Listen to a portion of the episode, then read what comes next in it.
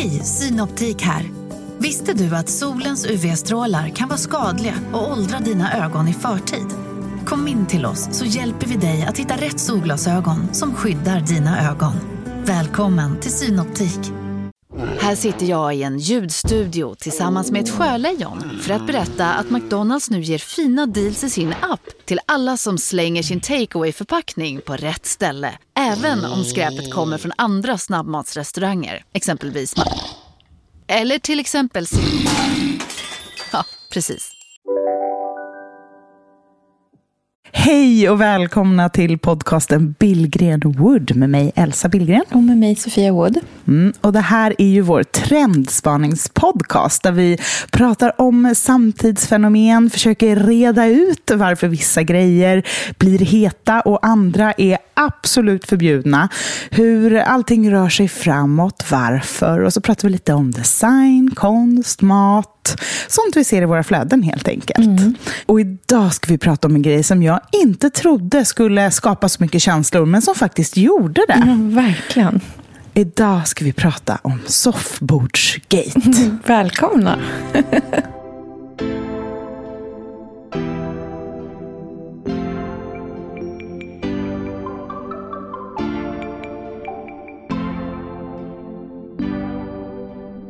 Klipp till. Klipp till.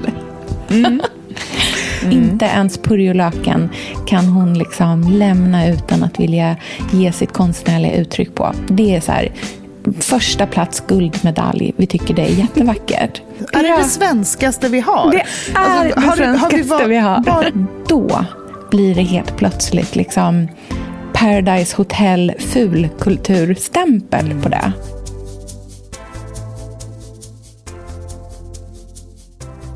Här ska bli så roligt att prata om för att min fascination över hur den här saken utvecklade sig är total. Alltså total. Ja. jag känner, vet du vad jag känner väldigt mycket först och främst? Mm. Vilken otrolig bubbla man lever i. Ja, verkligen. Så sant. Som helt plötsligt spräcks och man ser livet på ett nytt sätt. Och allt tack vare ett soffbord. Helt Att det kan skapa så mycket känslor. Så mycket känslor. Men du, innan vi eh, hoppar in i liksom, soffbordsdiskussionerna och börjar analysera dem ur alla vinklar och vrår så vill jag bara höra hur är läget? Du är ju på Gotland Ja, jag är på Gotland! och lever musteri-life. Ja, nej men vi är så självförsörjande här, vet du. Oj, oj, oj. nej, inte riktigt. Men det är en härlig känsla av att nästan vara självförsörjande. Det är skördetid på Gotland, så det är en ljuvlig tid. Eh, träden dignar av frukt, det är knappt en kotte här. Det är underbar natur, fortfarande varmt, jättehärligt. Och vi har varit här en vecka och det är liksom ja, underbart. Lyxen med att vara frilans. Nej, men lyxen med att vara frilans och inte ha skolpliktiga barn, framför allt. För jag kommer tänka Hur på det sen. har- Är det två år ni har kvar? Ja, han har eller? två år kvar. Och sen, sen så är det liksom inte förrän i början på november som vi liksom kan åka hit efter sommaren. Då har ju vi redan stängt för året i vanliga fall. Så att det kommer ju vara en sorg att liksom missa den här tiden av skörd. För att har man ett landställe närmare stan eller någonting, då har man ju möjlighet att åka ut på helger. Men att åka till Gotland över en helg är ju en ganska både kostsam och tidskrävande historia. Även om det faktiskt är ljuvligt. Jag bjöd ju faktiskt över er den här helgen. Ja, och så Ja, det kan typiskt inte vi. att inte det är kunde. så Nej. tråkigt. Men det, jag gillar sånt där. Jag tycker att det är viktigt att man vågar vara lite spontan. Även om man har hundra barn och liksom folk har jättemycket att göra och så, där, så tycker jag att det är så härligt när man får ett infall. Och bara antingen bjuda över eller vara den... Alltså jag, jag, jag känner så här, jag är stolt över att vara en ja-sägare, en spontanare. Och sen kanske man Ja. inte alltid kan, men att vara positivt inställd till det. Verkligen. Jag håller verkligen med. Och det, jag blev så glad när du frågade också. Just för att man bara så här, men gud, det skulle kunna vara en möjlighet. Alltså, så här, man behöver inte låsa sig in i att så här, vi kanske kan komma och hälsa på nästa sommar. Utan att det liksom finns andra... Det är en, så här, en, en livsförhållning som jag tycker är väldigt härlig. Som jag, jag har vissa vänner som verkligen är sådana som liksom känns som att de så här, ja, men, är öppna för att göra saker utanför vardagen hela tiden. Att man har nästan mm. det lite som sin livsstil. Och jag kan mm. ofta fundera över om det inte är de lyckligaste personerna i ens närhet. De som faktiskt verkligen om man så här, gör orimliga saker relativt mm. ofta. Eller de eh. minst socialt kompetenta, tänker jag. Vilket också är de lyckligaste. Ja, Nej, men jag har ju insett efter många år att jag är en sån som fråg, alltid har varit den som frågar om någon vill leka. Mm. Från barndomen. Och nu, jag vill liksom alltid umgås. Jag har ju mm. ett väldigt stort socialt behov och har gärna ett späckat schema. Och folk kan ju bli så här exhausted. Ofta säger bloggläsarna det efter en sommar. Bara, Men gud, hur orkar ni ha så mycket folk hela tiden och göra så mycket saker? Så det är det som jag får energi ifrån. Mm. Skäms du när folk... Eh, alltså kan du få en så skamkänsla när folk pekar? För det där tycker jag är så svårt. för att ibland är det som, och vi kommer komma in i det här i softboards liksom, gate också, men mm. ibland är det som att så här, vissa sätt att vara på är så liksom, mm. tydligt så här, un, mellan raderna förknippade med att man är lite mindre liksom, komplett i sig själv som människa. Mm. Att man behöver massa saker utifrån. Att det, så här, mm. Jag kan mm. känna den så här, insinuansen ganska ofta. Ja, och det är verkligen. Att det pikas liksom. Jag känner det hela tiden. Att jag mm. har väldigt många personlighetsdrag som inte är... Mm, jag, är så, jag är inte liksom buddhist. Nej. Precis. Jag behöver mycket grejer för att känna mig lugn och trygg. Det ska mm. vara vackert, det ska vara mycket folk, det ska vara saker som händer, det ska vara intryck, det ska vara smaker, det ska vara dofter, det ska vara upptäckter. Jag är sån som människa och det betyder ju då för många att man, in, att man saknar någonting inuti. Och då känner jag så här, ja, so what? Jag saknar mm. jättemycket mm. saker i mig själv. Vad säger det om alla människor som trycker ner andra då att de tycker att de är kompletta. Det tycker jag verkar vara en ganska ocharmig insikt mm. att ha. Eh, för att det tror inte jag på. Jag tror att de flesta människor har massa behov och drömmar och önskningar och saker som man liksom gillar att göra.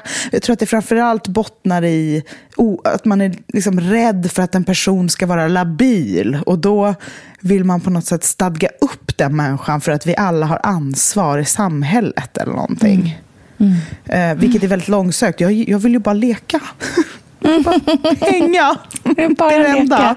bara leka. Men samtidigt så är ju Pontus och jag och Lynn, vi är tre personer i det här stora, stora huset med den stora trädgården med de här stora vidderna.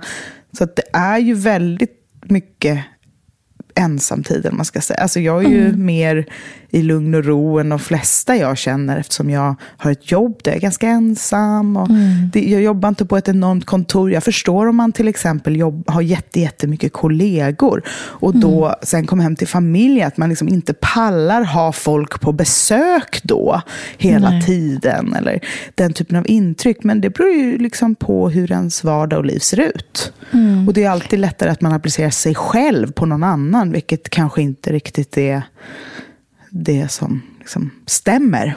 Nej, jag undrar hur en sociala behov hade sett ut om man var liksom sjuksköterska eller typ mm. så här, mm. läkare på en vårdcentral där man träffar mm. en ny människa. Var, liksom, hur lång tid får man på vårdcentralen i snitt? Alltså, jag har mm. nog aldrig varit inne i ett sånt rum längre än 12 minuter eh, innan det är dags för nästa patient. För ja. dem. Alltså, det, undrar hur man känner sig när man liksom är på den andra sidan av att så här, träffa så mycket folk. Då måste mm. man ju verkligen känna när man kommer hem på dagarna. Man bara vill stänga dörren och kanske vara helt själv eller bara med sin liksom, lilla närmsta familj.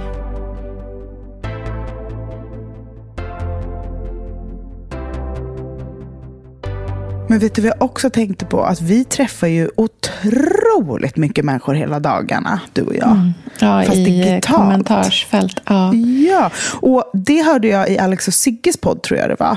Att det gör att man på något sätt censurerar sig själv och hela tiden försöker plisa alla. Vilket mm. gör att man förminskar sig själv som människa. Och det kunde jag verkligen känna igen mig väldigt mycket.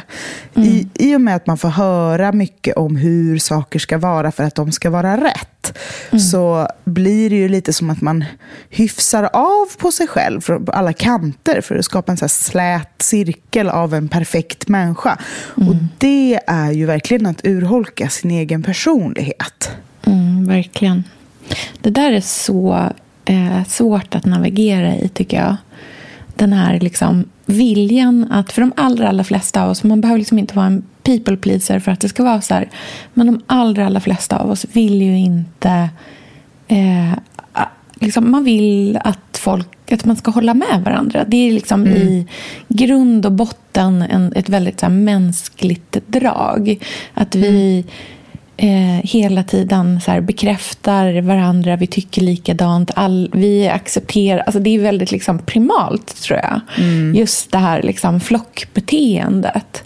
Eh, och när man då, som du säger, när man är i en så digital kontext där man kanske liksom totalt träffar liksom hundratusentals människor eh, på en vecka vilket det ju faktiskt är om man tittar på liksom så statistik och, och allting sånt där.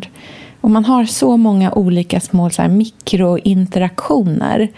Eh, det är väldigt svårt tycker jag att hela tiden så här, gå sin egen väg i det.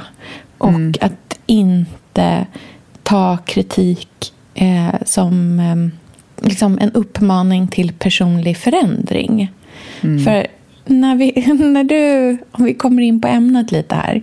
Mm. För när, det började ju med att du skrev ett väldigt harmlöst blogginlägg. Nej, men ett blogginlägg så som jag skrivit blogginlägg i 12 år. Ja. Och Det blev så tydligt att någonting har förändrats. För att ja. det här är ett typ av inlägg som jag har gjort så många gånger förut. Mm. Uh, och det har bara setts som inspiration. Alltså min point of view, det som då är min blogg. För min blogg är ju mm. inget magasin eller ett... Ja, men det är ju ingen allvetande sfär, utan det är ju min personliga blogg och min mm. åsikt. Um, och alltid när jag har jobbat med media, både som programledare egentligen hemma och som bloggare och sådär, då har jag blivit lärd att man ska vara pedagogisk eh, mm. och vara tydlig för att kunna inspirera konkret helt enkelt. Folk vill veta hur många centimeter man har mellan det och det och exakt vilken NCS-kod. Och mm. man, man, vill veta. Man vill inte bara höra svepande drag om saker utan man vill få det uppritat på en tydlig bild så att man förstår.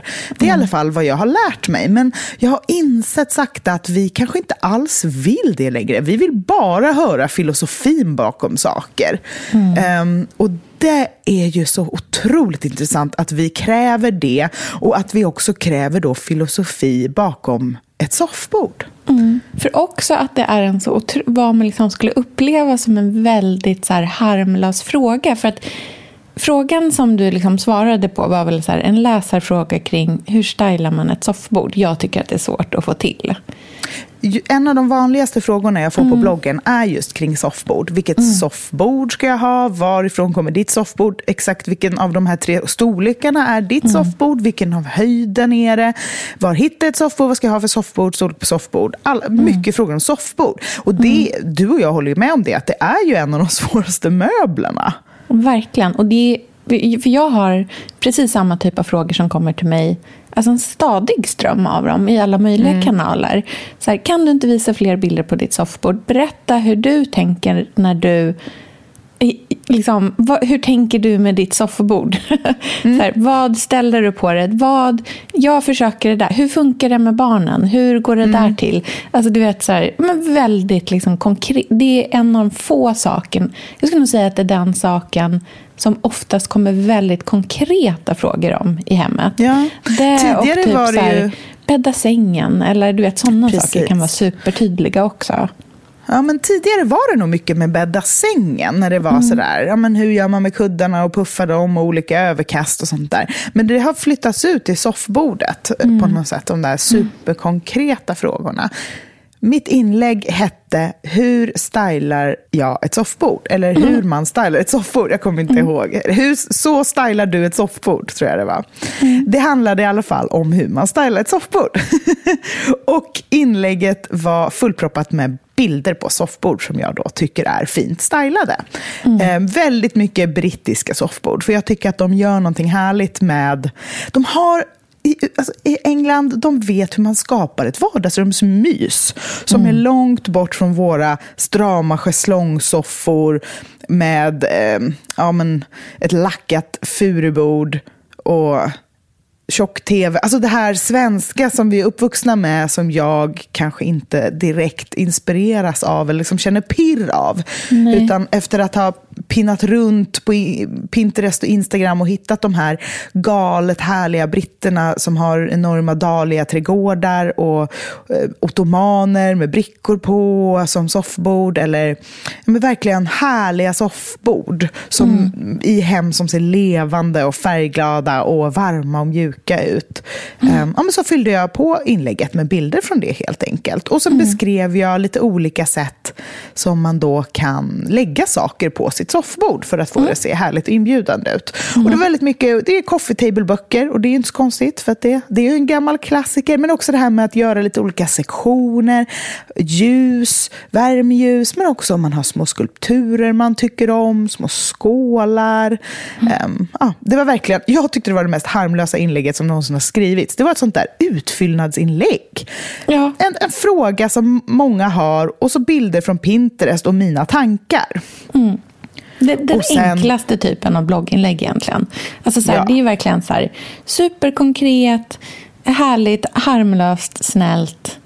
In, alltså verkligen noll konstigheter. Bara inspiration ska det Klipp vara. Är tanken. till. Klipp till. Mm.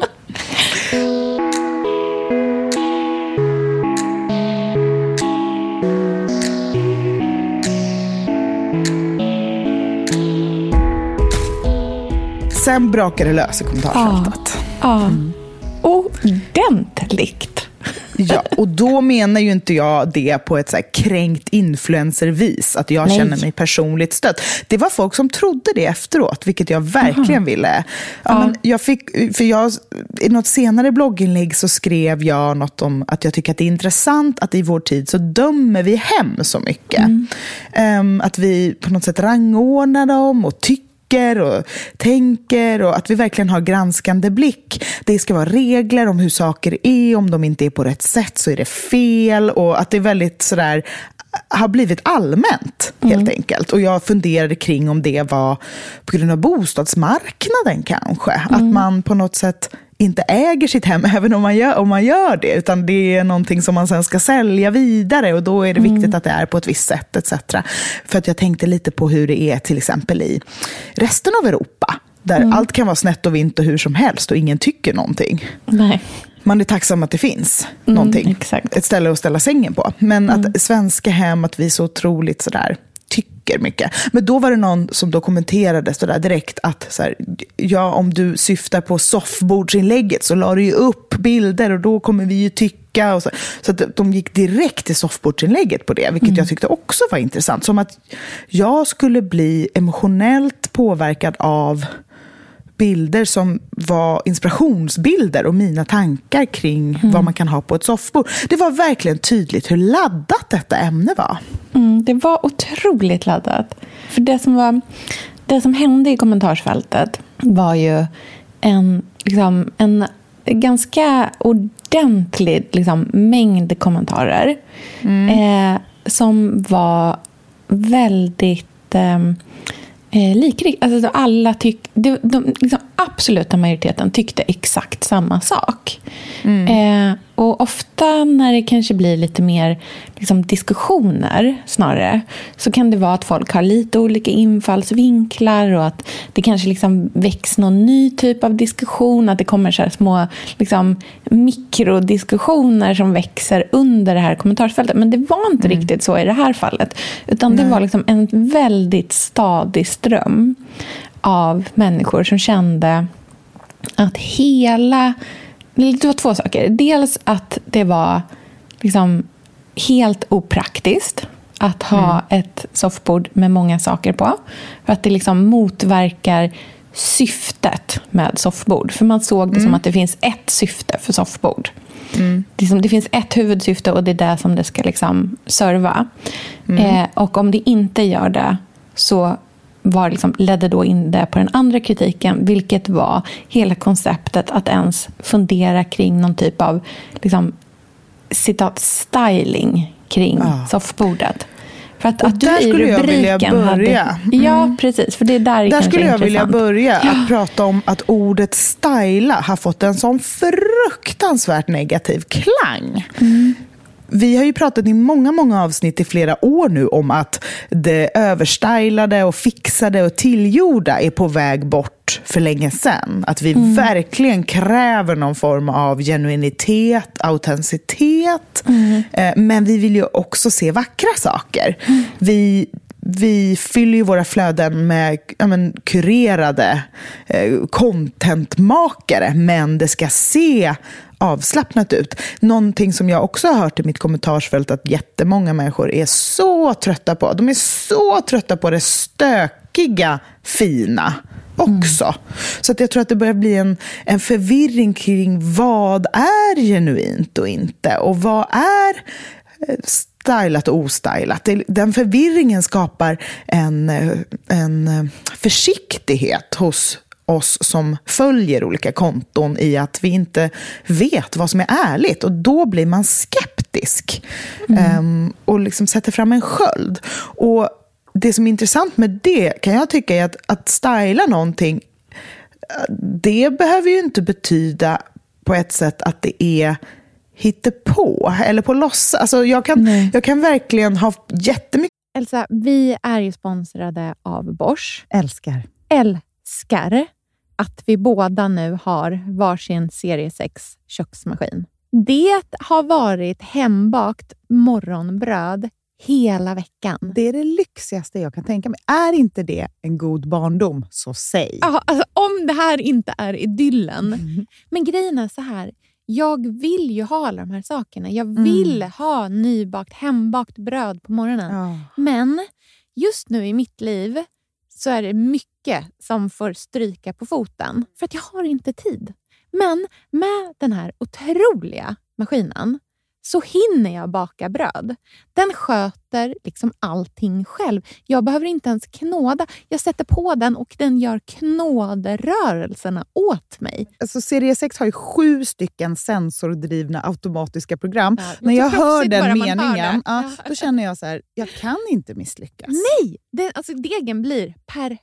Mm. Det är som att jag har lagt ner jättemycket tid och energi på det här brödet när det jag har gjort är att hälla saker i en skål och trycka på en knapp. Underbart. Mm. Nej, men man bakar ju som ett proffs och jag tycker om att baka enkla grejer och de Ja. blir ännu enklare med Bosch serie 6. Alltså, jag har ju haft Bosch i mitt liv ganska länge Mm. och speciellt på landet. Så för mig är det förknippat med att det blir gott, det är mysigt Mm. och det är tryggt för det blir riktigt bra varje gång. Man väger ju också sakerna direkt i skålen, så det blir Mm. inte tusen olika saker som måste diskas och som är krångliga. Det är verkligen sänka ribban. Men Bosch har ju tänkt ut vad vi skulle kunna misslyckas Ja. med och eliminerat de faktorerna så att det blir bra varje gång. Och Man kan ju också prova hemma i 100 dagar Mm, med fri returrätt. Ja. Och Så att Bosch vill ju verkligen att vi ska vara nöjda med produkten. Det är väldigt bra att man kan få testa på hemma Ja, man kan vara verkligen. extra säker på att det funkar. Mm. In och läs mer om Bosch köksmaskin serie 6 och köp den hos Power. Mm, tack Bosch. Tack! Sofia, vi har ju den stora äran att Mm. jobba tillsammans med Krav. Mm. Det är Det- så fantastiskt att de sponsrar den här podden tycker jag. Mm, det, jag är så stolt över det. Jag är också väldigt, väldigt stolt. Mm. Kravmärkt mat, det är ju mat som produceras utan naturfrämmande bekämpningsmedel och som Mm. bidrar till en biologisk mångfald. Mm. Och jag väljer ju Krav när jag handlar för att jag vet att det blir bra i varje led. Ja. Från jord Mm. till bord. Mm. Det blir godare och det blir bättre för alla inblandade. Ja. Nu är det ju tiden för vårprimörerna. Mm. Nu börjar de allra första komma. Mm. Och när man köper kravmärkta vårprimörer, Mm. då är det som att man får smaka på våren så som den ska smaka på riktigt. Ah, den första kravmärkta svenska sparrisen. Det är en högtidsstund. Det är det. Och sparris som är kravmärkt, man ser det på primören. Den är grönare, den är knotigare, den har karaktär. Den är så god att äta rå. Det behövs inte mycket mer än Nej. lite smör och flingsalt. Och så har man en förrätt. Vet du vad jag gjorde faktiskt på kravmärkt svensk sparris? Eh, blancherade i kanske 30 sekunder. Mm. La sen rakt ner i ett isbad. Mm. Skivade jätte, jättetunna skivor. På med kravmärkt olivolja, Mm. flingsalt och ett kravmärkt pocherat ägg. Och tänkte verkligen, Ja, allting på den här tallriken mm. är kravmärkt. Allting smakar otroligt. Så Man- himla gott. Verkligen. Mm. Det finns så himla mycket gott som jag är sugen på. Och jag tänker verkligen att vi alla ska ställa krav i korgen Ja, när vi att det var handlar. så bra Mm. eh, sägning. För det är precis så som man ska tänka. Ställ krav i korgen. Tack snälla krav. Tack Krav. Sofia, den här veckan har vi ett jättefint och viktigt samarbete med Plan International, Mm. en av världens största och äldsta barnrättsorganisationer med verksamheter i över 80 länder. Mm. Och nu tänkte jag att jag ska berätta för alla, för dig och för alla som lyssnar här om eh, Asiato som är 15 år gammal och kommer från Sierra Leone. Den här berättelsen visar också hur vi kan göra skillnad för flickor faktiskt. För trots sin unga ålder så har Asiato redan upplevt väldigt mycket smärta. Hon har blivit utsatt för våldtäkter under hela sin barndom. Och eh, hon berättar att hon inte vågade säga någonting om de här övergreppen till någon. Och att hon därför inte hade någon runt sig som märkte något förrän hon blev gravid. 13 år gammal. Man är så liten när man är 13. Kan du tänka... Alltså jag, nej, jag, det är svårt att tänka sig att ett barn ska bli barn, mamma vid, i den Mm. åldern. Men tack vare Plan International så har hon fått stöd och bearbeta allt det här fruktansvärda som hon har varit med om under så många år av hela sin barndom. Och nu så är hon mer hoppfull inför framtiden igen. Ja, barn ska inte föda barn. Och vill du vara med och kämpa för att flickor som Asiato ska få en barndom fri från våld och sexuella övergrepp, bli flickafadder för 125 kronor i månaden hos Plan International på flickafadder.se. Eller om du hellre vill ge en engångsgåva så kan du swisha till nummer 900 14 70.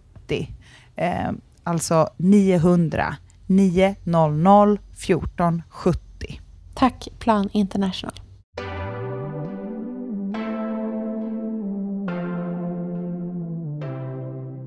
Mycket problem med överstylade situationer också. Till exempel när det ska se ut som att man gör någonting och så lägger man fram massa saker och så är det inget av det som används till exempel. Sånt tycker jag är svårt. Eh, Men det är inte som att jag lämnar tusen kommentarer om hur svårt jag tycker att det här är för den delen. För det är Nej, upp men till du mig då att... på den då liksom. Ja, men jag, blir, jag blir bara inte inspirerad av det helt enkelt. Jag ser gärna genuina miljöer, men det betyder inte att jag inte klarar av att se stylade miljöer. Alltså vackra hem till exempel, eller eh, platser eller saker som är gjorda med eftertanke. Det tycker jag jättemycket om. Jag följer ju många danska små hotell och allt möjligt där varenda sak har hamnat någonstans för att någon tycker att det är ett vackert föremål på ett vackert ställe. Vilket är att styla. Eh, och precis den tanken hade jag då kring soffbord och har. Att ett soffbord är ett perfekt ställe att placera ens eh, favoritsaker på och grejer man tycker om att se och också att eh, ja, men göra ett arrangemang som utstrålar någonting till en själv. Det här handlar alltså inte om att på något sätt få massa andra människor att känna saker, utan det är ju ens eget hem och man bygger upp en miljö som man trivs i. Men det var så otroligt främmande för många då som kommenterade, vilket jag tycker är intressant. Ja, men verkligen. Jag tror så här. Jag tänker att det här med att styla ehm, och när, vi liksom, när det är styling som är okej kontra styling som vi uppfattar som liksom poserad eller fake på något sätt. Så tänker jag att vi liksom rangordnar olika typer av styling. Och den mm. typen av styling som vi liksom accepterar och så här, någonstans liksom, det som är fin styling, det som hör till det liksom, så här, finkulturella, det är typ så här, en konstnärligt lagd person som ur sitt liksom, egna inre skapar ett hem där mm. saker och ting är liksom, byggs upp på ett liksom, gärna ganska långsamt sätt. Det kanske är ett hem man har bott i i liksom, tiotals år. Det har fått växa fram till det här liksom, väldigt genuina, äkta säkert väldigt stylade, men det, liksom, det kommer från en plats av ett inre. Mm. Och det accepterar vi. Jag tänker som när vi mm. var i Birgitta Watts studio till exempel. Mm. Det är ju otroligt stylat på jättemånga sätt. Jag tänkte på det här stora bordet som vi satt vid. Eh, som hade en vas på där det stod tre eller fyra purjolökar i vasen. Mm. Mm. Eh, och eh, ovansidan av liksom, toppen av purjolöken var klippt i ett eh, väldigt så här, grafiskt eh, rutmönster. Mm. Eh, så att de såg ut som pussel nästan upp till, mm. som ett Tetris. Eh, och det tittar man på och känner så här, wow, den här otroliga personen som är konstnärlig och kommer från en väldigt äkta, egenskapande plats. Hon klipper sina purjolökar, gud vad vackert. Så mm. Inte ens purjolöken kan hon liksom lämna utan att vilja ge sitt konstnärliga uttryck på. Det är så här, första plats guldmedalj, vi tycker det är jättevackert. Mm. Men om någon skulle försöka liksom posera som att vara en så konstnärlig person. Alltså någon som mm. inte genuint är en egen kreativ kraft som skapar det här stylade. Utan någon som tittar på vad andra har skapat och mm. blir inspirerad av det och vill liksom reproducera det och skapa ett liknande hem mm. eh, som är inspirerat av någon annan stil. Då blir det helt plötsligt liksom Paradise Hotel fulkulturstämpel mm. på det. Mm. För att då är det inte... Alltså jag tror att liksom inspiration som är för eh, bokstavlig tycker vi är fel och ful idag. Mm. Medan inspiration som är, och det här kommer tillbaka till det här du pratade om att man idag vill läsa liksom filosofiska blogginlägg.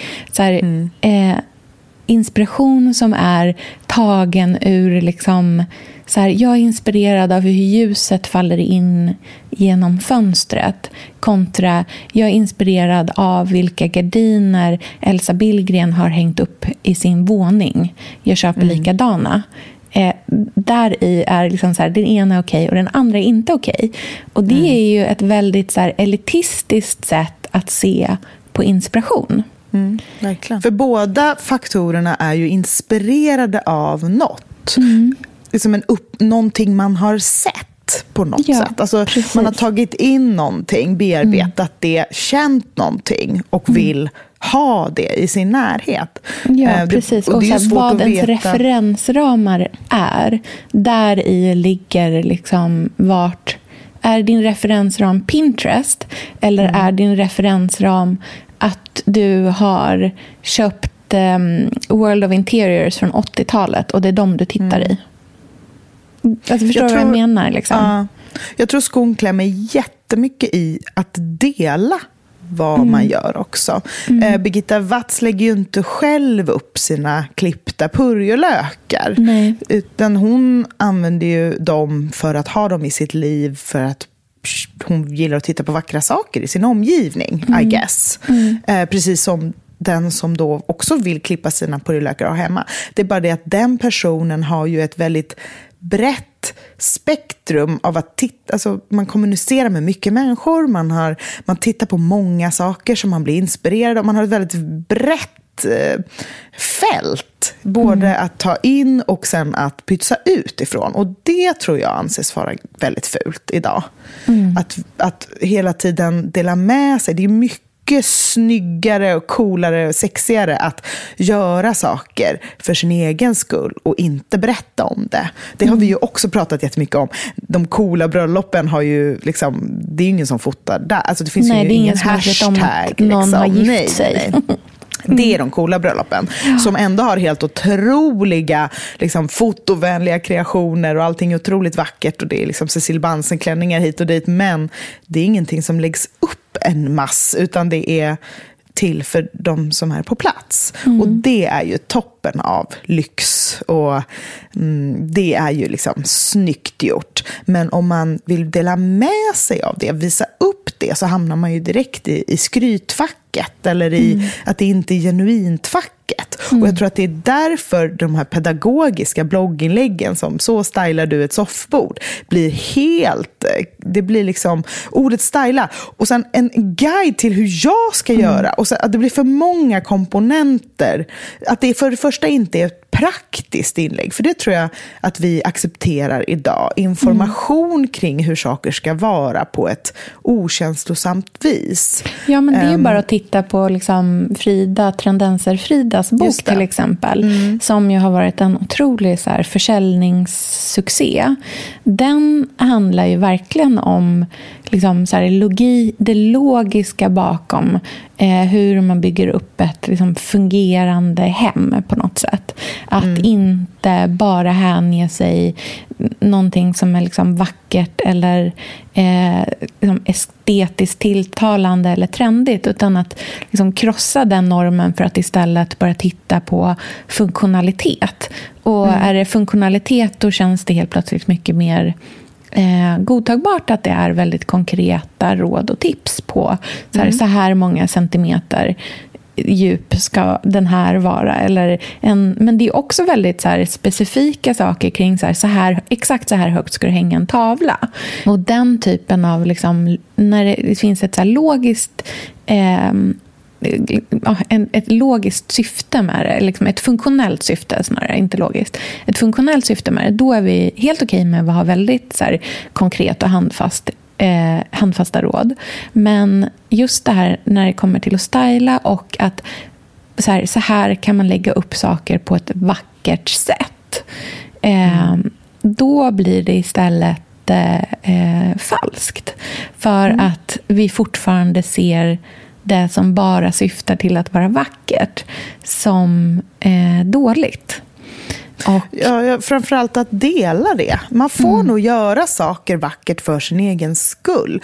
Och kanske får man svara på frågor på hur man gör. Men att dela det blir på något sätt att krossa den fjärde väggen kring att saker som är vackert inte bara blir av ren eh, godhjärtlighet och kreativ Slump, excellens. Utan att det faktiskt finns liksom kunskap i att styla. Och det är intressant vad gör det med inredningsstylister till exempel? Är det här en mättnad efter Hemnet-eran där inredningsstylister trissar upp priserna efter att skapa... Liksom, det finns ju kunskap i hur man inreder för att det ska se attraktivt ut för mycket människor. Ehm, och där vi men är det det värsta, är det liksom det värsta, värsta inredningsstylist? Från att ha varit det lyxigaste, lyxigaste, härligaste. Eh, och idag så tycker jag ofta när man tittar på inredningsstylister vad de gör så handlar ju 90% om filosofin bakom. Varför ett visst träslag är valt, varför en viss formgivare är vald, en färgsättning som har en idé bakom sig som är baserad på naturen utanför och historia i hus. Det finns väldigt sällan att man bara kan säga för att det här är fint.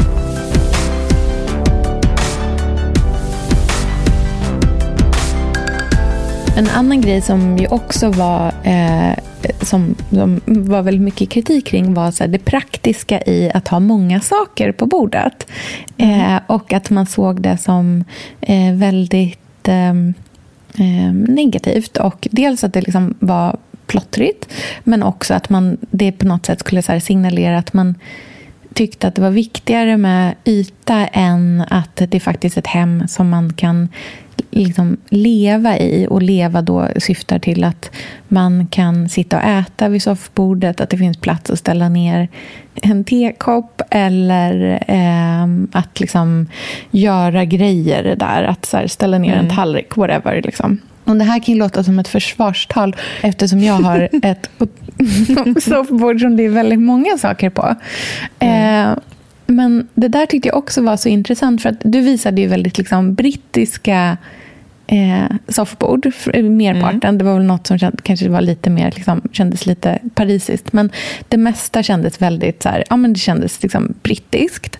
Eh, och de soffborden som du visade var ju ofta så här, det var mycket böcker, det var någon vas, det var lite sådana saker.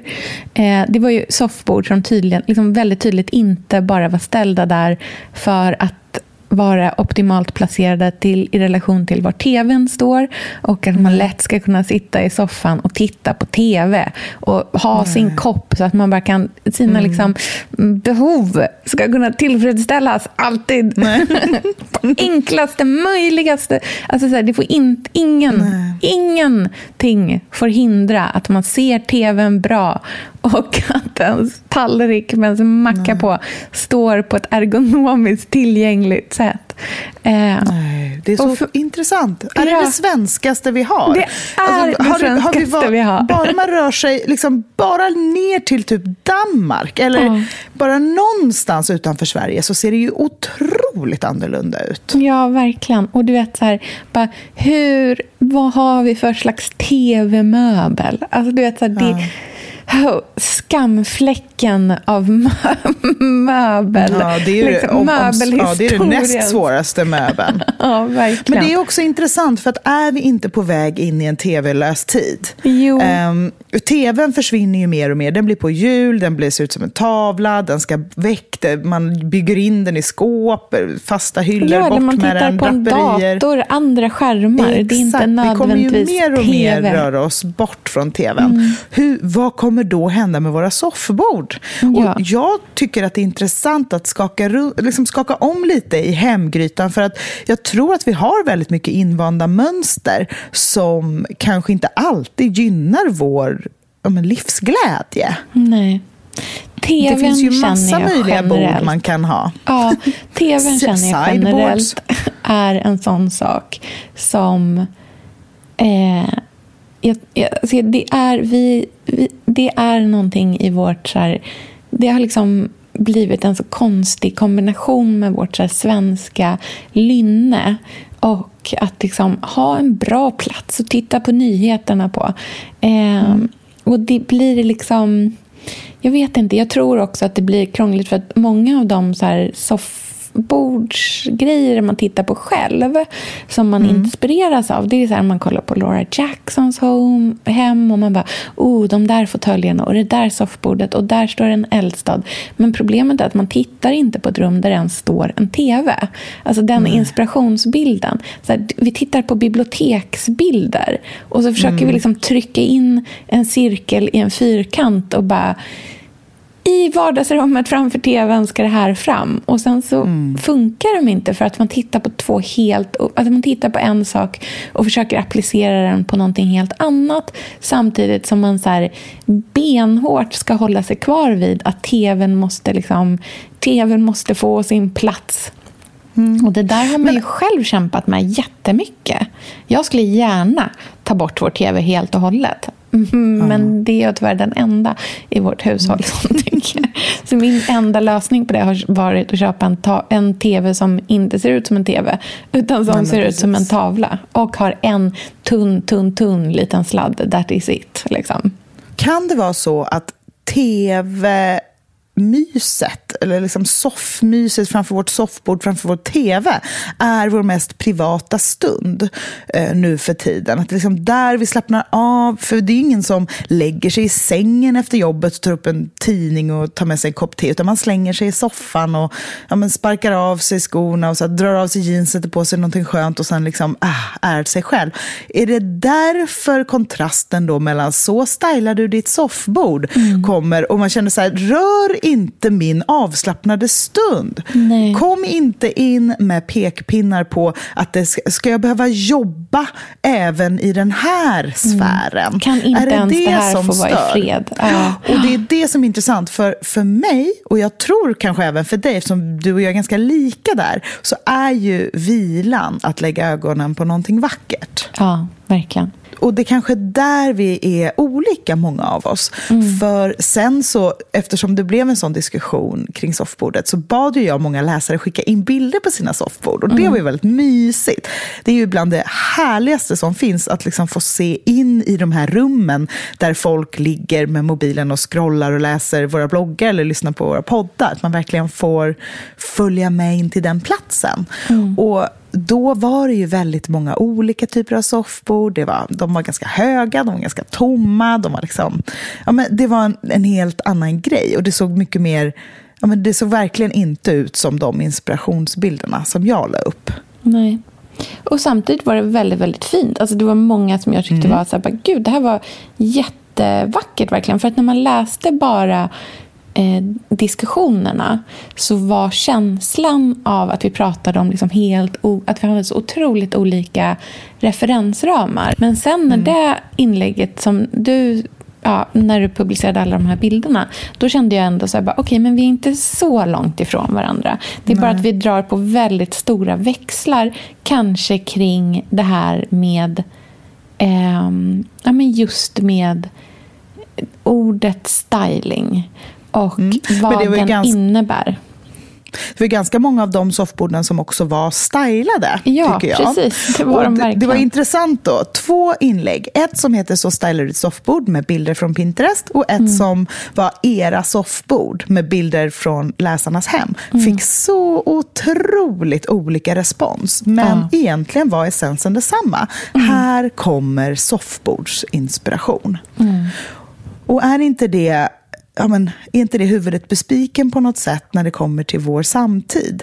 Att det handlar inte alltid om ämnet, utan vi är så drillade i kommunikation idag att vi på något sätt kräver upplägg som är rätt för att vi ska kunna se inspiration eller föra diskussion eller vad det nu är vi vill göra.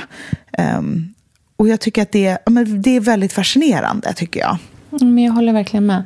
Jag tror att vi är så... Um, vi är på många sätt lever i en tid som är så otroligt så här, ställd på sin spets just nu. Så att i alla, på alla sätt och vis. Så att vi är som hårt spända fiolsträngar just nu. Och en lite fel ingångsvinkel kan göra att ett helt ämne surnar totalt. Medans eh, en annan ingångsvinkel på egentligen samma sak möts på ett helt annat sätt. Och jag tror att där i ligger eh, liksom vad vi behöver både navigera i men också fundera kring om det är ett eh, hållbart sätt att eh, vi kommunicerar på. Ja, gud vad spännande. Tänk att alltså, det är väl ändå också summan av vår tid. Att man kan prata i 45 minuter om soffbord. Och inte ens utan, så här, utan så här meta soffbordsdiskussion diskussion om en Verkligen. diskussion om soffbord. Verkligen. Ja, Gud. nej, otroligt. Ja. Nej, men äh, jättemysigt. Vi Verkligen. äh, hörs snart och då har man, vi, vi, mm, vi får se vad vi pratar om då. kan vara en annan möbel eller någonting helt annat. Vad härligt. Ha det så fint på. Gotland idag så hörs vi sen. Ja, tack snälla. Vi ses snart. Puss, hej! Okej, puss hej.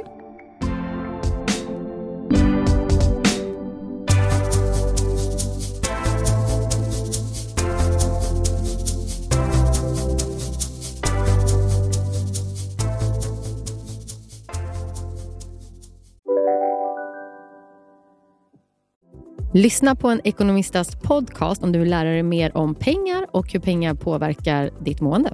Med mig Pingis Och med mig Hanna. i samarbete med Nordax Bank.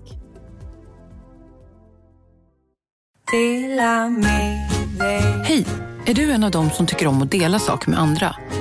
Då kommer dina öron att gilla det här. Hos Telenor kan man dela mobilabonnemang. Ju fler ni är, desto billigare blir det. Skaffa Telenor familj med upp till sju extra användare. Välkommen till någon av Telenors butiker eller telenor.se. Hej, Synoptik här. Så här års är det extra viktigt att du skyddar dina ögon mot solens skadliga strålar. Därför får du just nu 50% på ett par solglasögon i din styrka när du köper glasögon hos oss på Synoptik. Boka tid och läs mer på synoptik.se. Välkommen!